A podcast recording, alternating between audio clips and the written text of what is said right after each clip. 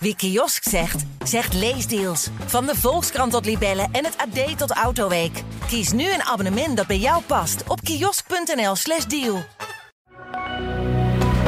Goedendag, dit is het nieuwsoverzicht van de Stentor. De bocht in een fietspad bij de Mastenbroekerbrug in Zwolle blijft de gemoederen bezighouden. Fietsers beklaagden zich over de veel te scherpe bocht en bij de start van het schooljaar zijn na overleg met de gemeente kleine aanpassingen gedaan. Het is nu overzichtelijker, stelt de uitvoerder van het project. Maar fietsers spreken van een F1-circuit. Een pasgeboren kalfje dat behoorlijk wat bekijks trekt. Op de boerderij van familie Rozenboom in het Harde kwam Lapje ter wereld. Die is niet zoals de tientallen andere kalfjes zwart-wit of rood, maar allebei. En dat is heel zeldzaam in Nederland. Een 84-jarige fietser is vanmorgen door een auto aangereden op de Heemradelaan in Apeldoorn. De man is met onbekend letsel naar het ziekenhuis gebracht.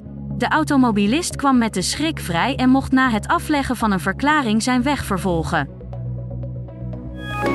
Een plein bedekt met oranjekleurige haartjes, scheefliggende stoeptegels en bewoners die regelmatig klagen over hoesten, benauwdheid, jeuk en uitslag. En dat allemaal door een paar bomen genaamd platanen.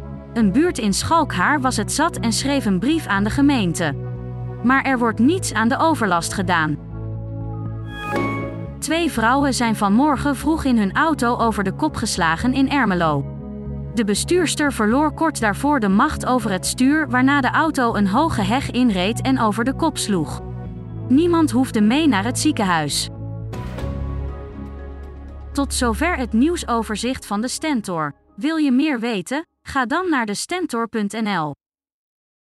Wie kiosk zegt, zegt leesdeals. Van de Volkskrant tot Libellen en het AD tot Autoweek. Kies nu een abonnement dat bij jou past op kiosk.nl/slash deal.